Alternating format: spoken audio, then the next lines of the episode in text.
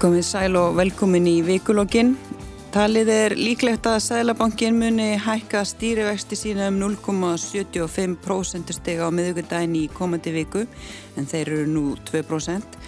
Hækkunin er sögð viðbröð við óvinju hári verðbólgu í januar. Eitt af því sem ítur undir verðbólgu er söguleg hækkun íbúðavers og verðhækkanir á innfluttum varningi en verðbólga er einnig óvinju mikil í löndunum sem við byrjum okkur saman við Víða hærri en hún hefur verið í ára tugi. Til að ræða verðbólgun og húsnæðismarkaðin eru komin Sigurður Hannesson, framkvæmdastöri samtaka yðnaðarins, Kristrún Frostadóttir, þingmaður samfylkingarinnar og Ásker Brynjar Torfason, doktor í fjármálum. Ásker, ef við byrjum á þér, stýri vaksta hækkun upp á 0,75% stig. Er það rétt að leiðin til þess að bregðast við þessari verðbólgu sem við erum núna að horfast í augvið? Eh, ég er nú ekki vissum að hún þurfa að vera 0,75% uh, og ég er heldur ekki vissum að verðbólka lækki við það að selabankin hækki vexti.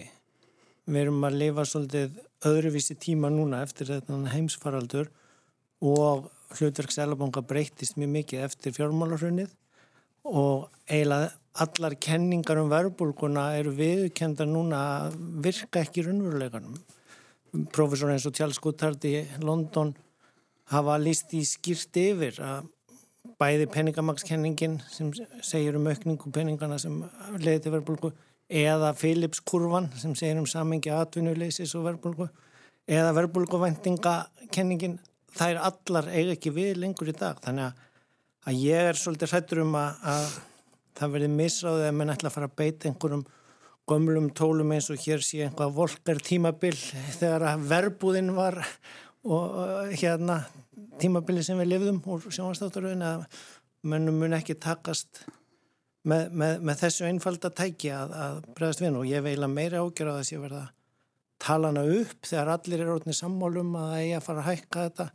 Og við erum átt okkur því við erum nú þegar komið 2% vexti hjá selabankunum hér og við erum með rúmlega 5% verðbólku út í heimi er hún 6% í Európu rúmlega, rúmlega 7% í Breitlandi, Bandaríkjónum og þar erum við að tala um að hækka úr 0 upp í 0,25 eða úr 0,25 í 0,5 í Breitlandi núni í fyrradag.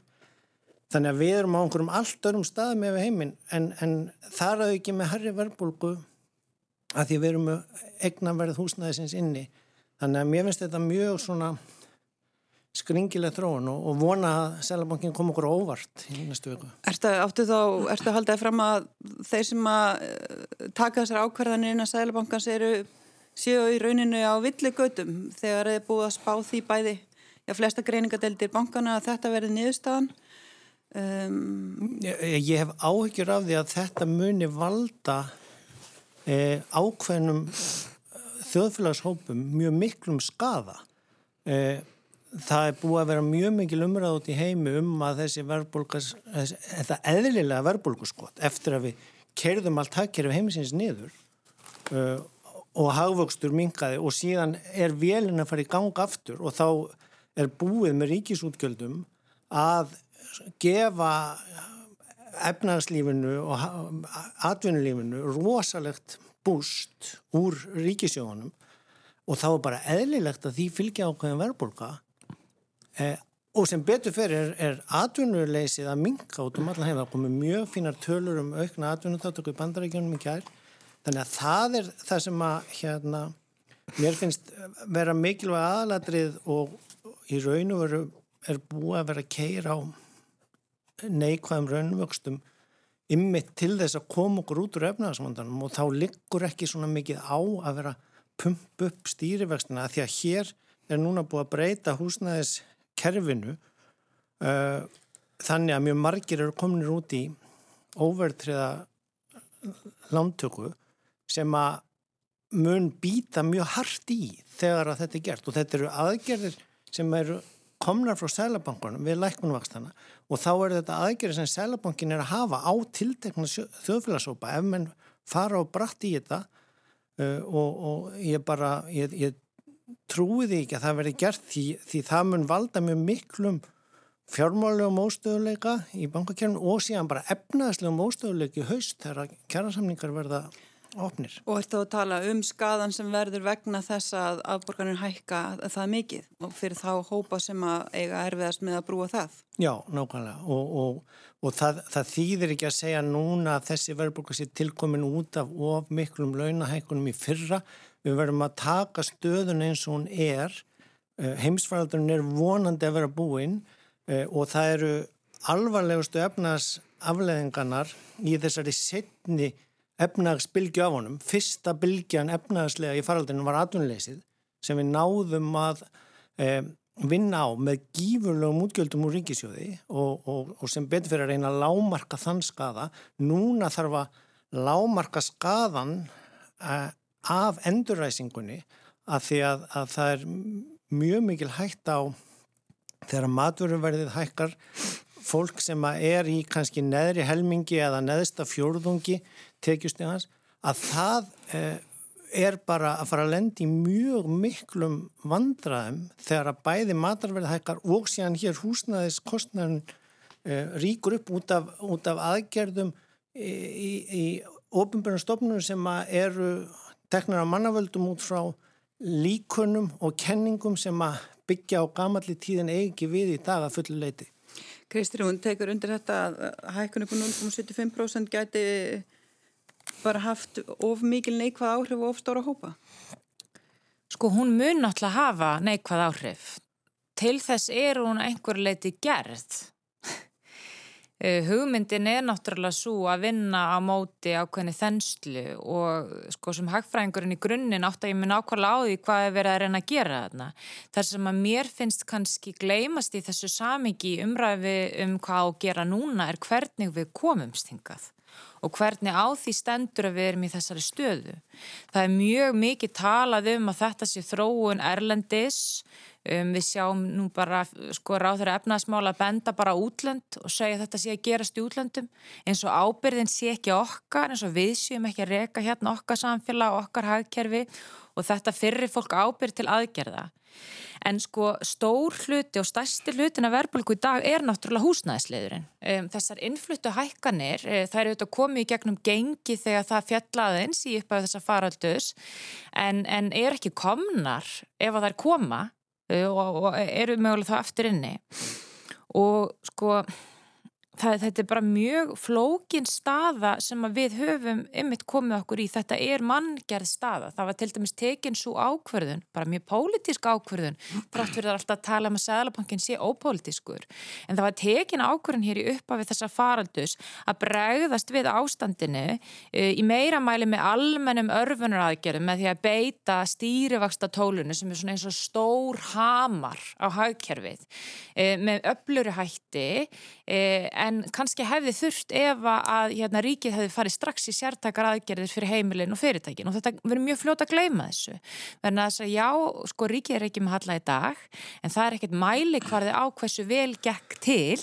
Þú getur líka að hafa eitt peningunum illa eða hafa farið sent af stað Og, og ég var á þeirri skoðum frá uppafið þó að fólki finnst ekki vinsalt að tala um það ekki að lækka vextu auðvitað ég verið að halda vöxtum og fjármaskostnaði sem hagstæðstum sem mögulegt er. En við þurfum líka að vera hreinskilum við fólk hverju besta leiðin til þess að eiga við ákveði vandamál.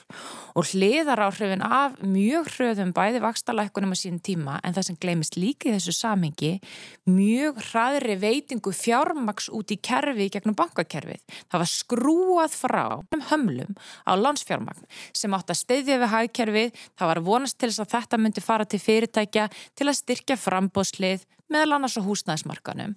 En í staðin fyrir það sem bankar gera út af reglum sem við setjum okkur sjálf eh, er að, þeir fara í örugari lán, lán sem binda minna eigin fjö, sem er meðlans ástæðan fyrir því að við erum að sjá mikinn hagnaði dag af böngunum og arsimi vegna þess að það fór bara allt fjármagnið í húsnæðislán og þetta er að mínu sko mati hagstjórnarmistök þessarar kreppu.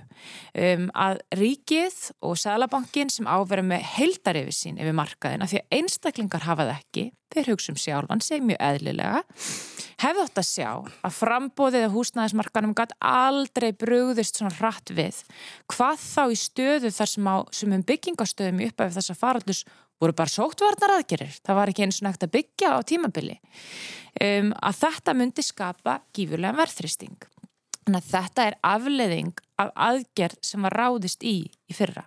Það er ekki þar með sagt að það hefði ekki átt að læka vexti neitt, það er ekki þar með sagt að ekkert af þessu hefði átt að gerast, en skalinn og umfangið og svo staðreind að við erum að sjá fram að að Sælabankin er í rauninni búin að gefa þetta kynna að það verði farið í mjög hraðara vakstækkanir aftur Það er til marg sem mistu hvað við erum að ræða. Verðan þess að sama hvað sko, ég og Áskil getum rætt um nákvæmlega hvað vakstastega á að vera og hvort við erum að vera að keira hagkerfið á neikvæðum raunvöxtum, þar að segja vextir mínus verbolga í, í langan tíma þá eru hagstjórnartæki eins og vextir ekki til þess gerð að snúa hlutum svona hratt við.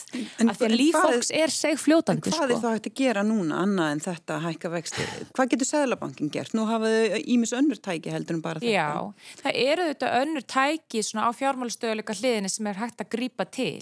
Um, þú veist, það væri hægt að fara í, í einhverja svona hérna Uh, eh, velána hámarkan er eitthvað sem ekki getur tekið að láni og reynda að hlýfa fyrstu kaupundunum á þess að það er þegar farið í, í slíkar aðgerðir. Já og vandin var auðvitað það var bara farið, var sendið mm. þar aðgerðir. Mér finnst að sömu leiti bara skiljanlegt að þau vilji ráðist í einhverja vakstækkanir núna vegna þess að ég ætla að leið mér að vera ósamal áskeri brinnar þarna því litunum til að þetta neikvæða raunvakstastik sem hefur verið til staða núna fyrir mjög sértakann vanda erum með lítinn hópa fólki samt nógu stóran sem hefur lengt í gríðalegum vandamálum út á COVID. Sumir hafa ekki sér aðstöndum tekið sína minga neitt sum fyrirtæki hafa mjög gott, annar ekki. Og þá verður að keira hagkerfi á mjög neikvæðan vöxtum sem þrýstir á egnaverð, skapar egnaverðsverðbólku annar staðar, það getur líka búið til vandamál. En það sem að ég á erfitt með í þessu sjónamiði er bara það að þrátt verið að ég geti skilið að þurfa að ráðast í vakstahekkanir, þá er þessi hraðabreiting hún er það sem er erfið fyrir fólki í landinu. Það var mikið að ungu fólki, tekjulega fólki sem komst í gegnum greiðslu mat í fyrra og hitti fyrra að mörguleiti að kvartningu stjórnvalda. Við skulum muna það hvað efnaðsráð þeirra, líka hvað Sælabankastjóri saði hérna á, fyrir einu til tveimur árum síðan. Við erum komin í nýtt vaksta umhverfi, núna eru vextir lágir, þetta er út af því að efnaðsvandin hefur verið díla við á réttan hátt. Fólk fer út á þeim forsundum, ungt fólk og skuldsetja sig kannski fyrir 40, 50 miljónu króna af því að það er verið að segja þeim farið út, þetta er húsnæðistefnan okkar lágir vextir. En, og svo nokkru mánuðin setna er það að að greiðsluberi sína hækka kannski en 20-30 þúsunda mánu. En er ekki hægt að koma til mótsu þennan hóp fólks með til að mynda bara tímabundnum tímabundnum úrraðum eins og vaksta bætur og slíkt Um, hvaða afleggingar mun það hafa og, og hvernig myndi það nýtast þessum hópi ef ásker, hvernig væri að ráðast í slíkar aðgerri og, og, og svona hverju væri gallanir með það? Já sko ef við berum okkur saman við útlönd þá, þá er það lungu úreld hugmynd að einhvað eitt markmið, eitt tæki og eitt tól sem vaksta stýringatæki sé það sem er gildi. Það verða að vera marg þættar aðgerri samlega. Ég er sammála Kristrúnum með að það var hræðilegt að, að uh, fjármálastöðuleika aðgerunum með þak á lánin var beitt ári eftir vakstarleikunna mm. uh, en, en sko það verður að skoðast náttúrulega í samengi við vakstabótakerfi sem er hér bara fyrir allægstu tekjóparna nýtist valla þeim sem að komast inn á húsnæðismarkaðin og fá lánveitingu núna. Mm. Þannig að það er samanbyrju útlönd mjög slæmur og okkar og svo leikumarkaðskakkur líka. Þannig að, að það, það verða að vera margþættar aðgerð, bara alveg eins og í baráttunum við faraldurinn. Það er ekki hægt að segja bara grímur eða bara bólusetning, það verður að vera spritt og grímur og bólusetning og fjarlægð og þú veist, það, það, og það verður að vera samspil á milli peningastefnunar og fjármálastefnunar, það er að segja hérna ofinböru fjármála.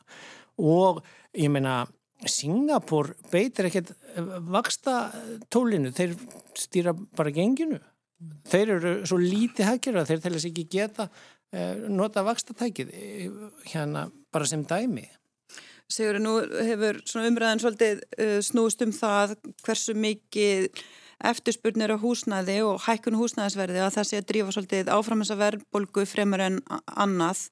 Þið hafið í mörg ár verið að benda á að það sé ekkert útlitt fyrir að sé hægt að sko, vinna upp þennan uh, skort á frambóði með einu með öðrum hætti fyrir en það sé ráðist í svona heldar aðgerðir til þess að reyna að bæta úr því sem þarf að bæta úr Um, hver er staða núna? Núna var stopnað nýtt ráðneiti í rauninni í kringum þetta vandamál ef að, svo maður segja. Serðu fram á það verði einhver laust á þessum, þessu stóra vandamáli sem hefur svo mikla afleðingar í, í nánustu framtíð? Ég held að það sé óhugkomilegt að stjórnvöld taki þetta mjög förstum tökum því að um, eins og bent hefur verið á þá er uh, húsnæðisliðurinn er er sko stór þáttur af verbulgunni í dag. Og við getum rætt um það hvernig, hvernig á því standi en, en sko það mun ekkit breytast fyrir en að fleiri íbúður verða byggðar. Og sko alveg sama hvað verður farið í sko mikil úrræði á eftirsputnarliðinni að þá þarf að leysa vandan með því að byggja fleiri íbúður um, þetta er auðvitað alveg eins og áskil var að nefna með sótarnaraðgerinnar það, það þarf svona markvíslegar aðgeri sem þurfa að vinna saman og þá er þetta sama hérna.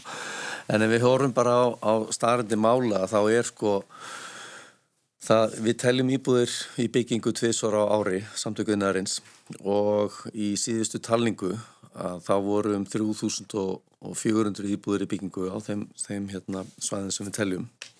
Þær hafa ekki verið færri síðan 2017 þannig að Það segir okkur þá svolítið um framtíðina næstu tvö árin kannski.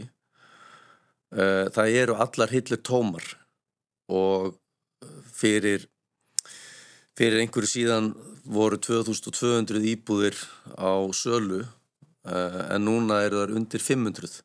Þannig að markaðurinn er bara nokkur neginn horfin og við bara áttum okkur alveg á því sjálf sko þó að maður kannski hefði áhuga á því að skipta um húsnaði þá myndi maður aldrei setja eignina sína á sölu áður en að maður er búin að finna einhver aðrækn bara því að því hvernig markaðurinn er í dag. Þannig að sko markaðsmyndunum verður ekki eðlega við þessar aðstæður. Þörfin, íbúða þörfin uh, er svona ekkert langt frá 4000 íbúðum ári og við sjáum það að sko fólksfjölgun í fyrra var miklu meiri heldur en, heldur en spáð var. Og ef við miðum við að það séu kannski að jafnaði 2,2 íbúar í hverju íbúð að þá er þetta kannski 3700 til 4100 íbúðir sem að þarf í ár og á næsta ári. Við erum að gera ráð fyrir því að sko að það komi komi íbúðir inn á um 5.000 íbúðir inn á, inn á markaðin þannig að það er skortur upp á tæplega 3000 íbúðir þá í ára og næsta ári. Þannig að við erum ekkert að sjá fram á þetta þetta lægist, sko við erum með þetta innveðraðandi, þannig að mér finnst það að vera mjög jákvægt skref, að loksin séu þessi málaflokkar sem að komni saman í eitt ráðanindi, skiplasmálin, byggingamál, húsnæðismál. Þannig að það eru þá forsendu til þess að taka á því um, það er auðvitað eitthvað sem að það er kannski fyrsta skrefið hjá ríkinu. Eh, lög og reglugerðir eru annað. Það er svörum til, til þess að laga hluti.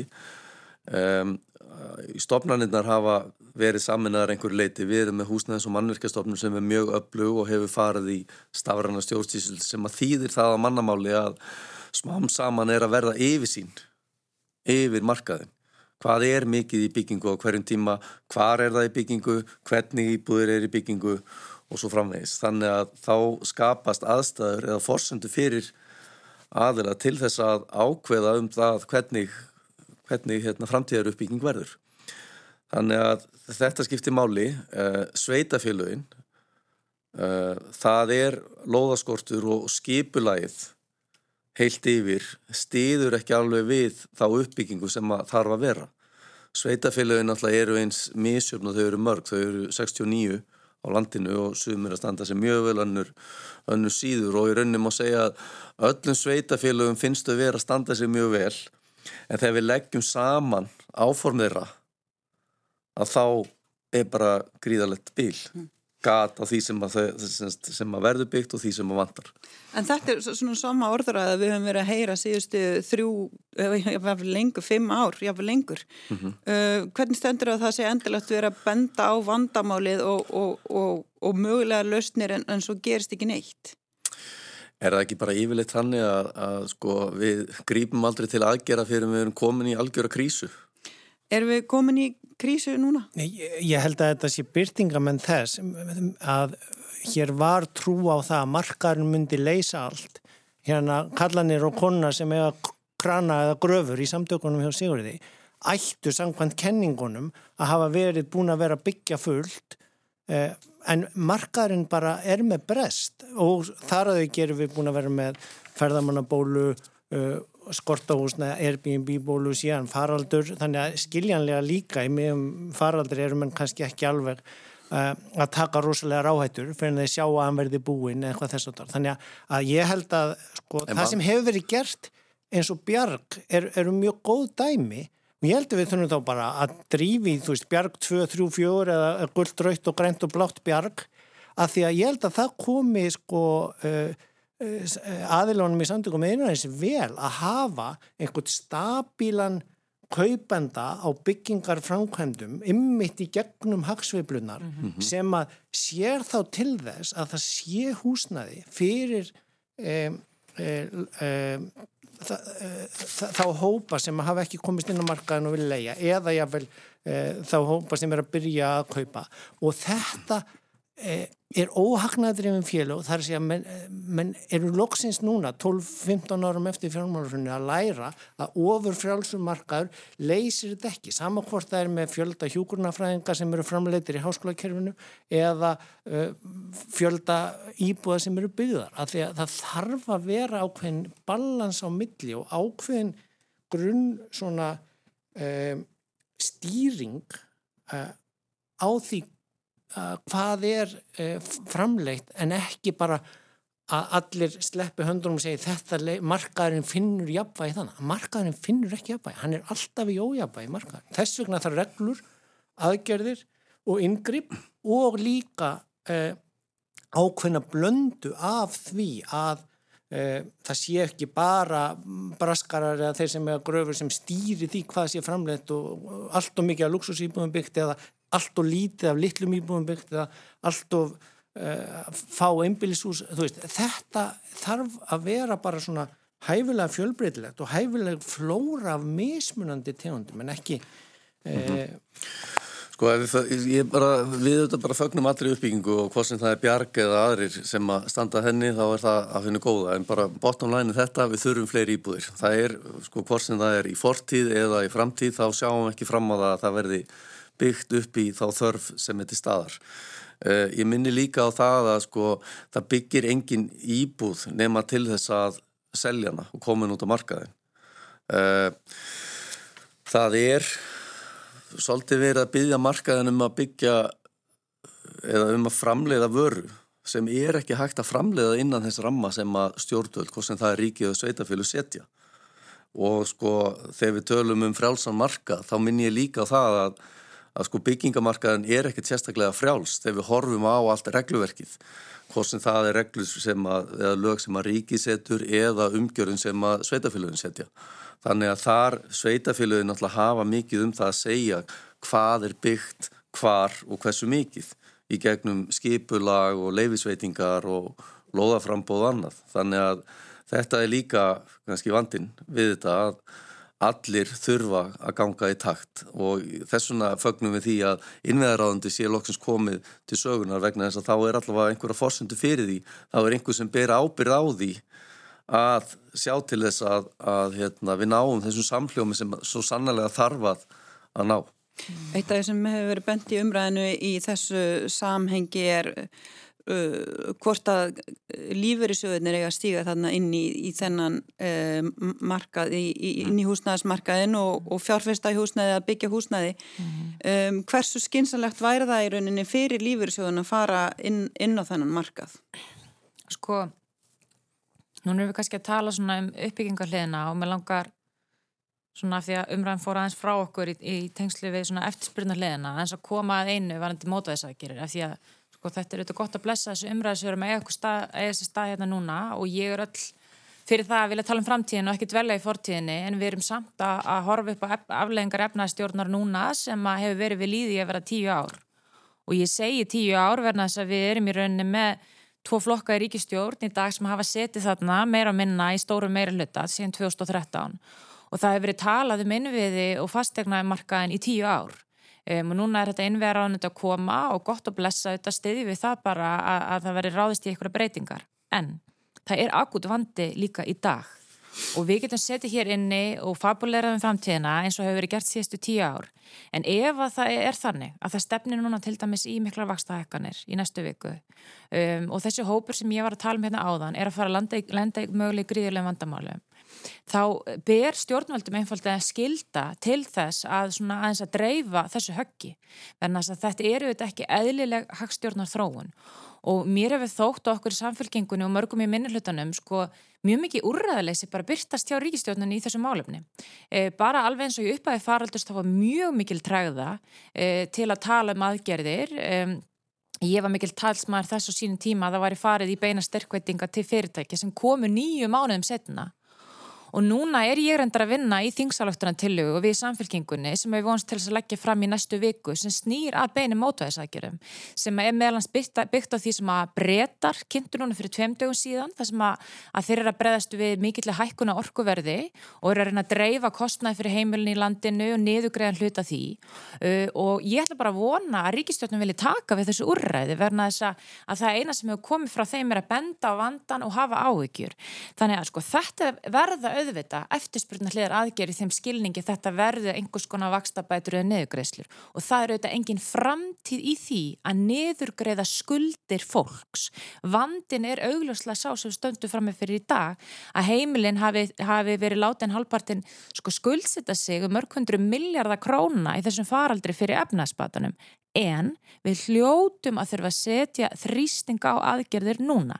Síðan er það þessi langtíma hlið eins og þú nefnir og mér finnst þetta rosalega mikilvæg punktur þegar kemur til dæmis að lífeyrissjóðunum. En þess að stór partur af umræðinni snýst ekki bara um aðföng, hverjir byggja, lóðir og allt það, heldur líka fjármagn. Og við tölum svo mikið um frambóða eftirspurn eins og það sé allt bara fólk og vilji og væntingar en það er bara fjármagn sem ræður.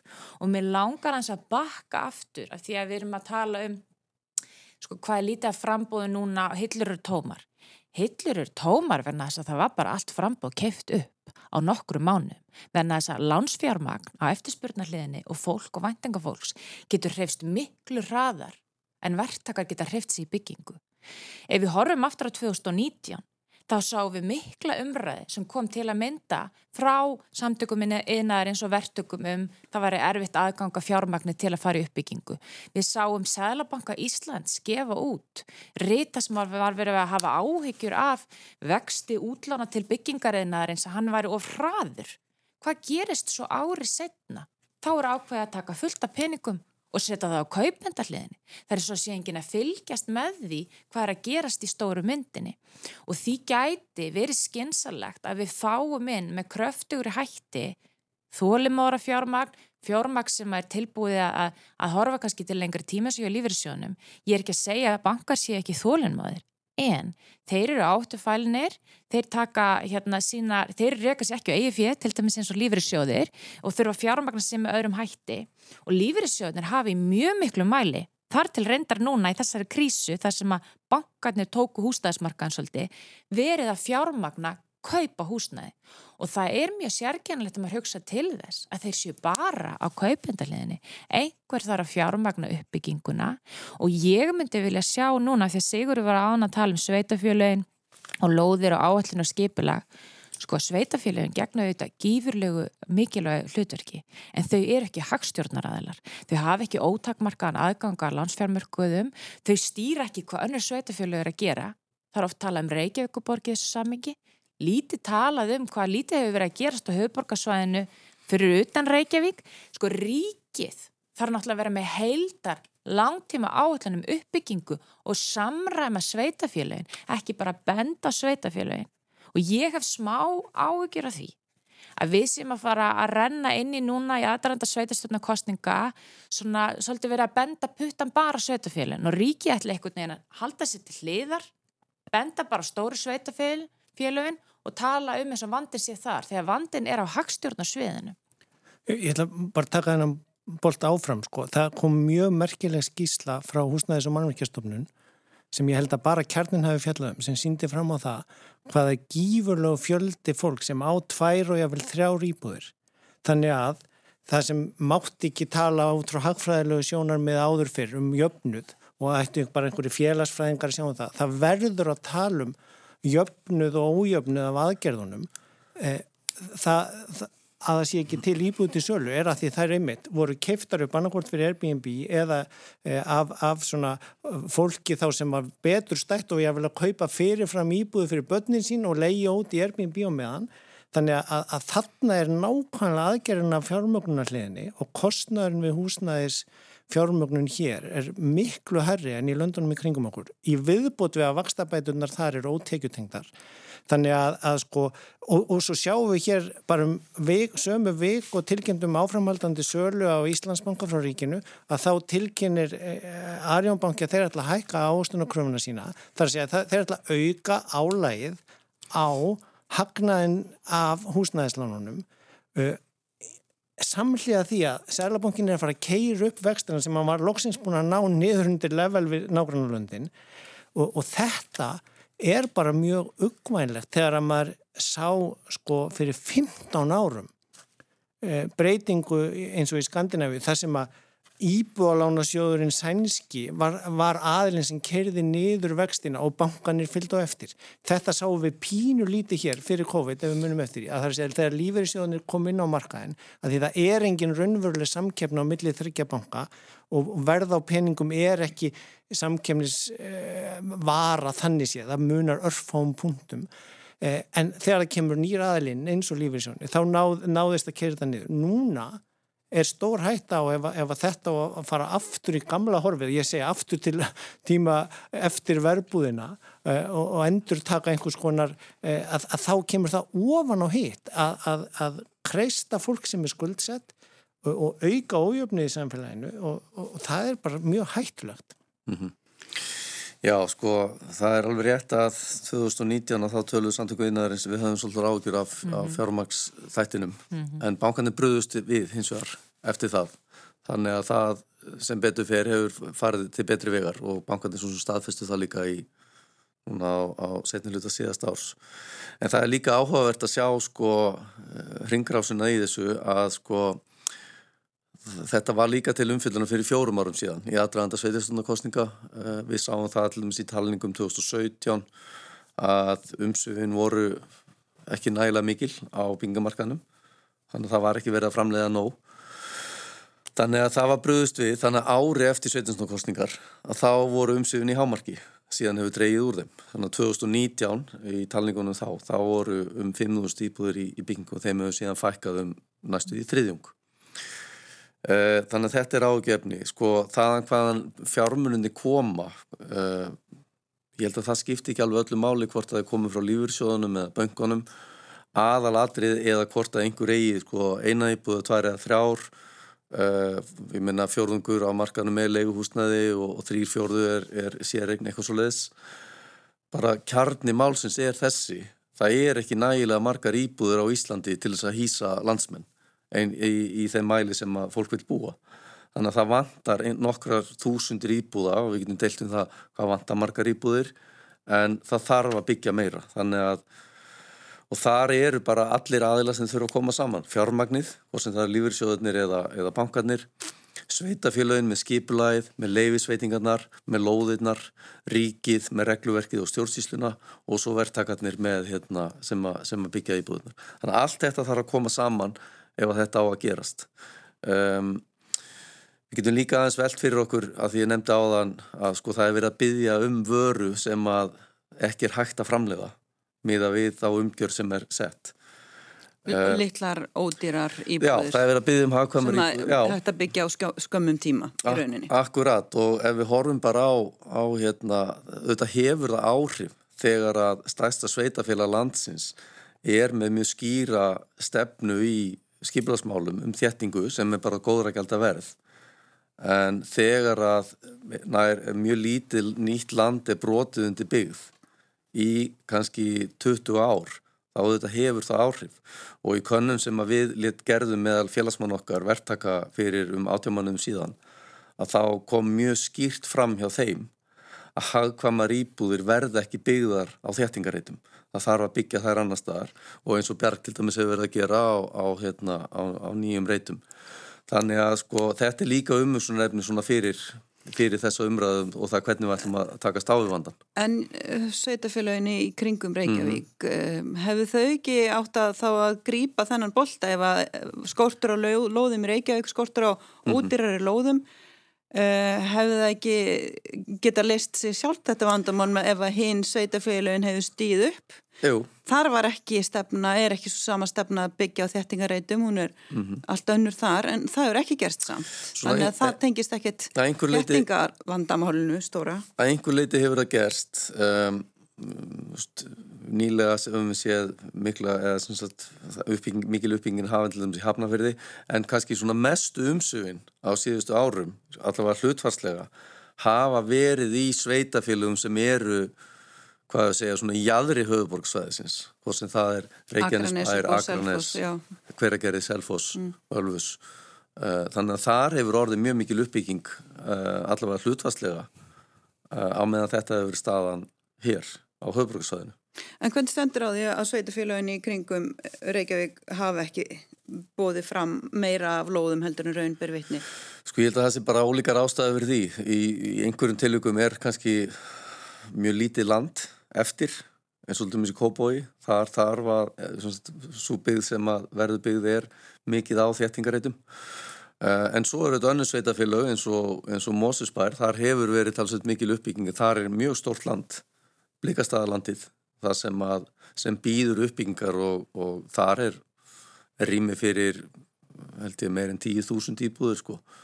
Uh, í Reykjavík er svo land sem að ríkið á held ég ennþá sem er Kelnalandið en það býður borgarlínunar þannig að þar munum framkvæmdir ekki hefjast samkvæmdskipulæðinu fyrir en eftir 2030 þar að segja fyrir en eftir cirka áratug þegar borgarlínu að verði komin, komin þanga. Þannig að þetta eru sko margar ástæður fyrir þessu en við erum samt í þessar stöðu að það bara þarf að byggja meira, það hefur ekki nóg verið byggt og það er bara sko ég held að það sé ástæðulegst kannski að benda á eitthvað eitt þar. Það er bara margir sem að þurfa að koma saman og gangi takt til þess að það gangi eftir. Mm -hmm. Sko, mér langar eins að koma inn á það er margt sem ég langar að koma inn það er gott að vera svona löngu þætti hérna, en sko talandi um hver veiti fjármagnið og svo aðeins varandi hlutarskrætufélagana um Ég ætla að leifa mér að vera ósamála það að það skipti ekki máli hver veitir fjármagnið. Það er ekki af því einhversi betur en annar, alls ekki. Það er bara eðli aðilans og það sem að vantar og hefur vantað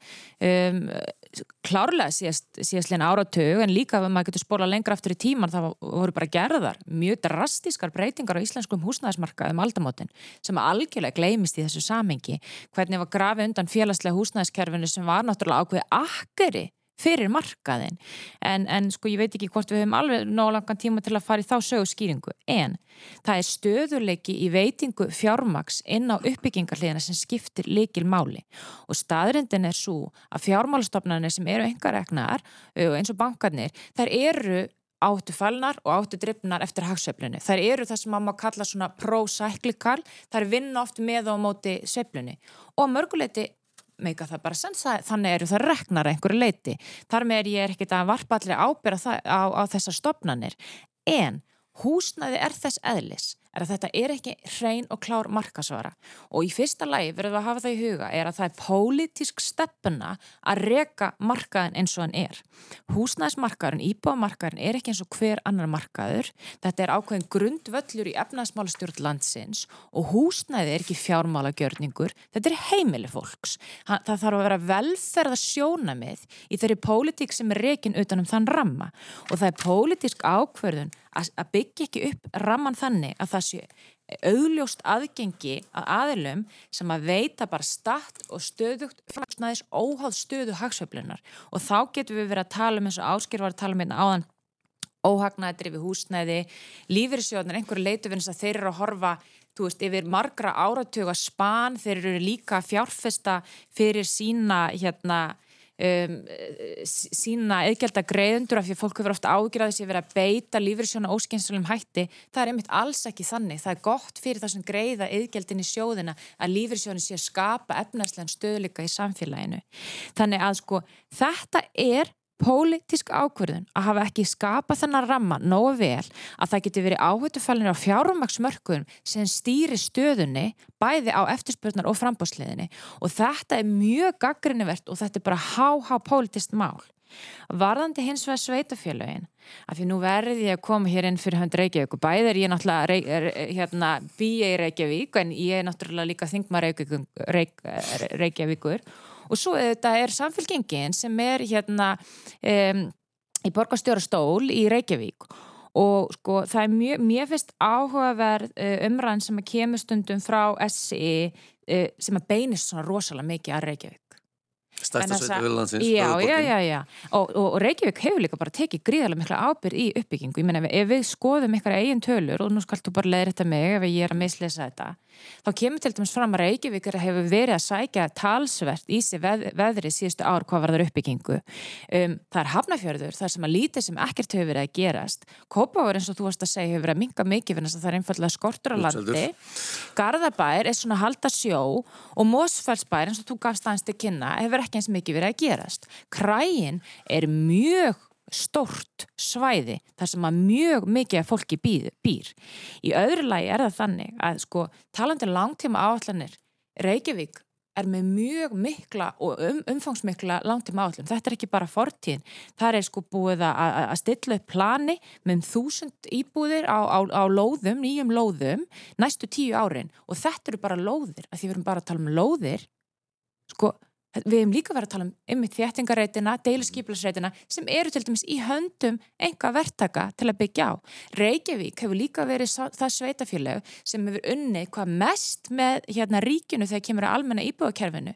Næstu öll stoppframlegin sem hafa farið til sveitafélaga til uppbyggingu á almenna íbúðakerfisins er í Reykjavík og það er ekki vegna þess að Reykjavík er gráðugust, heldur bara vegna þess að önnur höfuborgarsvæði sveitafélag þau hafi ekki viljað byggja félagslegt húsna í jafn miklu mæli. Þannig að þannig hefur Reykjavík verið að sína, sína samfélagslega ábyrg með að segja við erum hérna borg, við erum að verða meiri borg sem þýðir að það er þjætting við viljum draga aftur á þeim verðækunum sem því fylgir með því að vera með félagslegt húsnæði sem er ekki hagnaðadrifið til þess að halda aftur að leiðu kostnæði byggingakostnæði þess að þar og, og eru bara mjög hérna, umfásmikil pön í því samingi og í þriðalagi langar með að benda á sko, það er auðvitað mjög eðlilegt að þeir sem að tala fyrir höndu verktaka fókusi á lóðir og uppbyggingu en sveitafjölug er að reyna að hugsa um stóru myndina sem er innviðir, kostnaður. Þú ferð ekki bara í að byggja einhver staðar vegna þess að það er viljið til þess á hverju mænum tíma. Það er verið að reyna að horfa á eru við með skóla, eru við með leggskóla hvernig matur er sveig, hvernig eru samgöngur hvernig lámörku við kostnaðin að því að reka samfélagi hámörkum velferð til lengri tíma. Og það fælst í því að hugsa stórt og þóra að taka stór skiplarskref eins og að verið tekin í Reykjavík af því að annars er þessu bara veld yfir á skattgrendum öðrum hætti. Þannig að þarna auðvitað tókast á ákveðin hagsmunir sem er að sveitafjölu og sérstaklega stort sveitafjölu sem Reykjavík þarf að hugsa lengra en bara nákvæmlega eitt ár fram í tíman og hvað vantar lóð. En ég get fullir það bara að það vantar ekki metnaðin hjá Reykjavíkuborg að byggja. Við erum að tala um hátt í 2000 íbúið sem þeir tellja sig geta byggt á svona lóðum og deiliskypilagsreitum og hér er talað um 3000, þessi tala er enda grannlega komið í 4000, þetta er alltaf að hækka hérna í hverjum þættinum, en gott og vel, en við þurfum þá líka að spyrja okkur, eiga bara að rýsa nýja íbúður í Reykjavík þú veist, bera engin önnu sveitafjölu ábyrð, en þess að Reykjavík er vissulega að gefa verulega í. Mm -hmm. Sko, uh, það er þetta engin að draga það í efa að það hafa verið umsug í Reykjavík mm. og það hafa komið marga nýjar íbúður inn á markaðinni Reykjavík. En sko, ef við bara setjum þetta eins í samhengi og það er ekki nóg að skoða bara sögulega þróun þar. Þú veist, ef að staðan er svo að það vantar 3500-4000 íbúður ári þá er ekki nóg að það séu byggðar þúsund íbúður á ári í Reykjavík. 2000 með deiliskeipulagsreitum, þetta er ekki bara nýjarlóðu sem um reyður náttúrulega. Þetta eru mark, markmið borgarnir um, um sko langtífum uppbyggingu íbúða að þá er markmið það að komið þúsund nýjar íbúður á ári að meðaltali til tíu ára. En þeir náttúrulega ráða ekki yfir sko, byggingarreitum í, í eigu verktaka sem hafi verið útlutan og þegar. Þetta er samt markmiðið samkvæmt skipulæðinu og það er bara einfallega ekki nóg. Við þurfum líka átt okkur á því og ég veit að hagfræðingarnir hérna við borðið átt að þekkja þetta nú miklu betur en við hinn að, að sko íbúður eru helst byggðar þar sem að byggingakostnaður er lægri en markasverð, ekki satt. Þar borgar sig að byggja íbúður og það eru þetta ekkert staðan á öllu landinu. Þannig að það þýðir að sko meiri hlutu uppbyggingarinnar hlýtur að eiga sér stað á þessu landsveði hérna Suðvesturhóttinu, hvað sem það er Reykjavík eða, eða í nákvæmlega sveitafélagunum eða Akranessi, þið vitið, þessu svæðu öllu. Þannig að sko það er ekki nóg að horfa bara á mannfjöldan og hlutvarslega hérna, skoða, skoða þetta, heldur þarf að skoða þetta út frá þessu. Þannig að ég myndi segja að kannski 90% uppbyggingarna þurft að eiga sér stað hér. Uh, en að því við erum að tala um stóru myndina og ég er auðvitað alveg sammála því að við þurfum að horfa á hanna, þá er stóra myndin bara svo að það er ekki verið að byggja nóg. Og þess vegna vantar, þess vegna eru við þessari stöðu í dag meðal annars Eh, þetta hefur áhrif á verðbólguna sem að, sem að hérna, og húsnæðiskostnaðin er að hafa mikil áhrif á það. En ég held að svona bara það að kynna einhver áform, uh, til dæmis ef að ríki og stæstu sveitafélögum myndu taka sér saman, kynna einhver áform um uppbyggingu, þá myndi það strax hafa áhrif á verðbólguvæntinga fram í tíman og þar með á stýrjavægsta hérna, ákvarðinni Sælabankans. En að þú erum komin aftur aðeins í, í umræðum verbulguna og þeir töluðum um að, að, að það væri ekkit bjart útlitt framöndan og geti hópar fólks mögulega lendi bara alvarlegum vandraðum bara strax í haust. Uh, hvað er að versta sem geti gerst og, og hvað er til ráða til þess að breðast við því og, og komi í veg fyrir að, að svo alvarlega staði geti komið upp bara í haust? Já sko, ef að vextinni verða hækkaðir úr 2% í 3% í næstu viku, þá er það ekki að fara að auka íbúðaruppbyggingu það, það er eiginlega algjörlega galið þegar maður tengir þetta saman. Og rétt að minna á bara punktin með sko kerfið sem var lagt niður og íbúðalónasjóðs tapið er að fara að kosta okkur 2030 mm. eftir 10 ár 270 miljardar þannig að það kostnaður líka af því sem var ekki gert. Að, og svo setja menn einhverja fjóra miljardar í almenna íbúðaruppbyggingu 500 miljónir í bjarg, skilur þannig að sko það að ætla að, að leysa málið með því að fara að hækka vexti þegar að sko, sko ástæðan fyrir verðbólgunni hér er hækkun húsnæðisverðsins vegna lækkunar vakstana síðast ári. Verðbólgan í bandaríkjánum er af allt örum tóð en verðbólgan í Evrópu eða Breitlandi. Eh, Kristúnu nefndi orkuverði í Breitlandi í í Evrópu er það allt annað heldur enn í bandaríkjum og maður skoðar tölunar mennur voru að hretti við 7% verðbólkuna þarna og halda hún komi. Hún er ekki farin að koma ef maður skoðar síðustu mánuði að þá er verðbólkan búin að vera að lækka. Þetta er ársverðbólka sem er 7% hækkun frá því fyrir ári í bæði í Breitlandi og bandaríkjum þannig að sko ég hef ennþá bjart sína trú á það að þetta sé bara svona bylgja eftir eh, hérna COVID-enduræsinguna hagkerfunu og menn eigi ekki að vera að nefna Venezuela eða volkartíman eða eitthvað þess að þar heldur andaðins með nefnu hugsa hvernig ástandið er hérna í heild og þar með, ymmit eins og Sælabanka þurfastundum að gera, koma ávart og ef það á að fara í einhvað heildstætt hérna, eh, varðandi húsnæðiskostnað, bæði frá eh, ofinbyrjuhliðinni, sveitafélagahliðinni, verktakahliðinni